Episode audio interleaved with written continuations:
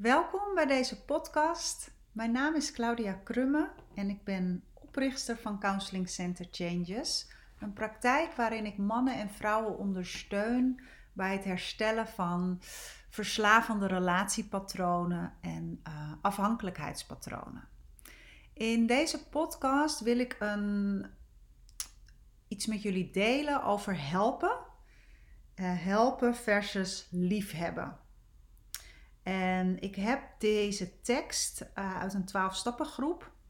En er staan een aantal dingen in die ik ontzettend mooi vind om met jullie te delen en die je mogelijk aanzet tot nadenken en tot verandering um, ten aanzien van degene met wie jij een moeilijke relatie hebt. Dat kan zijn als je in relatie staat met iemand met een verslaving of iemand die op een andere manier hulpbehoevend is en waarbij jij de noodzaak voelt om iemand te helpen.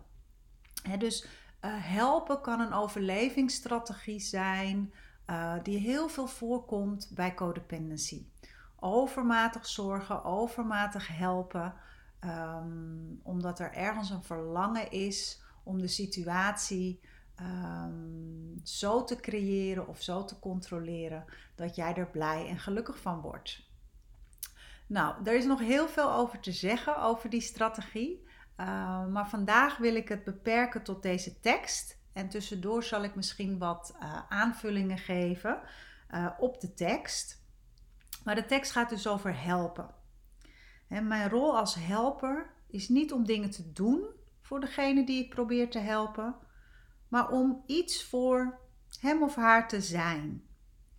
Niet om te proberen het gedrag te regelen of te veranderen, maar door begrip en inzicht mijn eigen reacties te veranderen. dus mijn eigen reacties op het gedrag van de ander. dat is het enige waar we macht over hebben.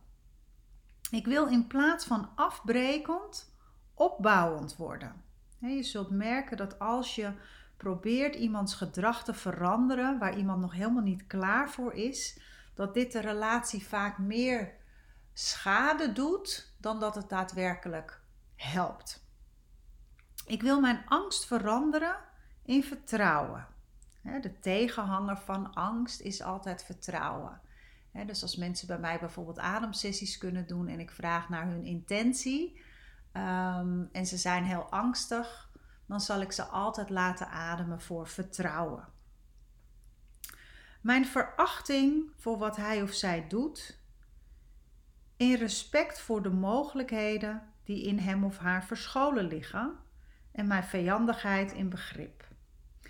Ik zal de zin nog even opnieuw zeggen. Ik wil mijn angst veranderen in vertrouwen. Mijn verachting wat hij of zij doet in respect voor de mogelijkheden die in hem of haar verscholen liggen en mijn vijandigheid in begrip.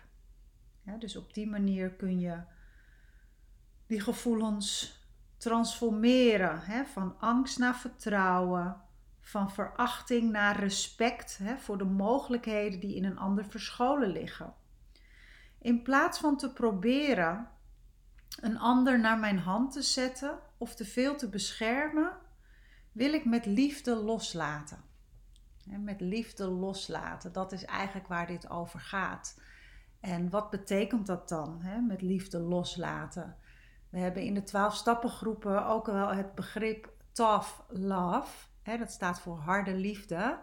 En dat gaat hier ook over. Hè, soms is het enige wat je kan doen iemand loslaten in het belang uh, van de relatie, in het belang van jezelf, in het belang van de ander. Dus liefde loslaten betekent niet altijd dat je de ander moet verlaten dit voorbeeld wat ik schets, uh, schets dat wel. Maar je kunt ook met liefde loslaten door een overtuiging los te laten. Of ehm, de drang of de dwang om iemand te helpen. en te accepteren dat iemand is waar die is. Ik zal niet proberen om hen te vormen naar mijn ideeën en maatstaven, maar de gelegenheid geven de ander zijn eigen bestemming te vinden, ongeacht wat hij of zij zal kiezen. Dat vind ik ook een heel mooi stukje. dus ik zal niet proberen om iemand te vormen naar mijn ideeën en maatstaven. want wie zegt dat jij de waarheid in pacht hebt en dat jij weet wat goed is voor iemand anders?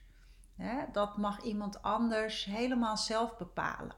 En of het nu gaat om een verslaving, een actieve verslaving, dat is iets tussen de ander en, en het hogere. En natuurlijk weten we allemaal dat een verslaving destructief is.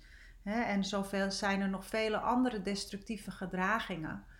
Maar vaak hebben mensen dat destructieve gedrag nodig om te kunnen groeien en uh, te kunnen leren.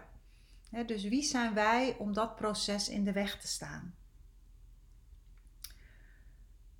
In plaats van te overheersen wil ik voortaan bemoedigen. En in plaats van in paniek te raken, hoop ik gemoedsrust te vinden. De lusteloos in mij die voortkomt uit wanhoop, zal ik vervangen door het energieke gevoel dat voortkomt uit geestelijke groei. In plaats van mezelf steeds te rechtvaardigen, zal ik proberen mezelf beter te begrijpen. Ja, het enige wat mij triggert in deze tekst is: ehm, hè, wil ik voortaan bemoedigen in plaats van overheersen?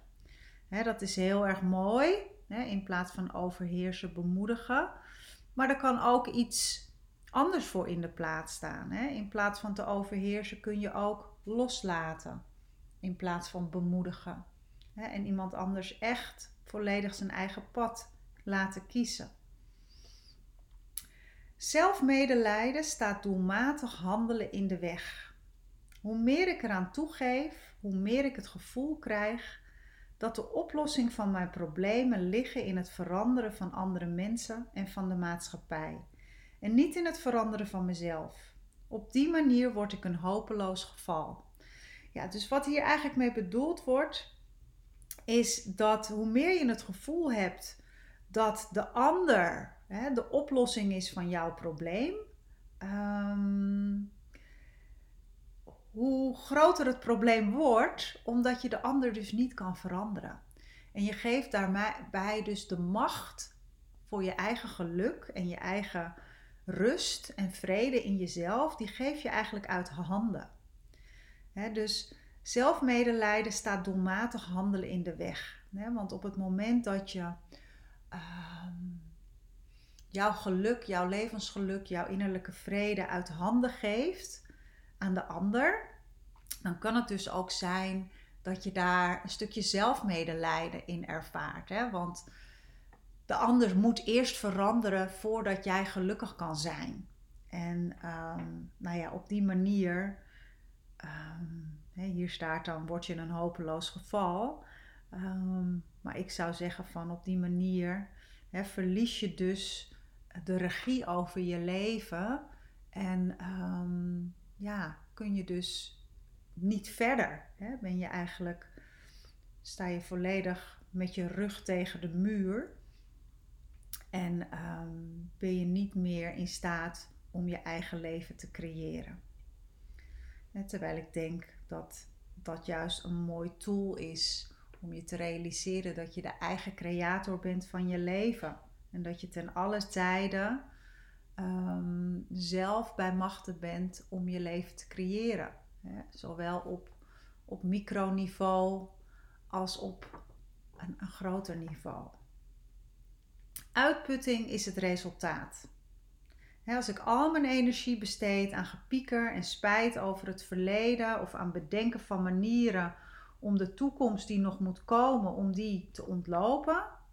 Als ik mij een beeld vorm van de toekomst en daar al maar met mijn bezorgde gedachten mee bezig ben, steeds bang ben dat dingen zo zullen lopen of dat het niet zo zal lopen, dan gebruik ik al mijn krachten en ben ik niet meer in staat om vandaag te leven. En juist vandaag, uh, om in het nu te leven, is juist de manier, de enige manier om echt uh, gelukkig te zijn. Dus op het moment dat je steeds maar je energie weggeeft aan het leven te willen veranderen, de ander te willen veranderen, uh, ben je dus niet in het nu, ben je niet in de realiteit, kun je niet accepteren dat het is zoals het is. Ik wil niet piekeren over wat anderen in de toekomst gaan doen. En ik zal niet van hen verwachten dat ze beter of slechter zullen worden naarmate de tijd voortschrijdt.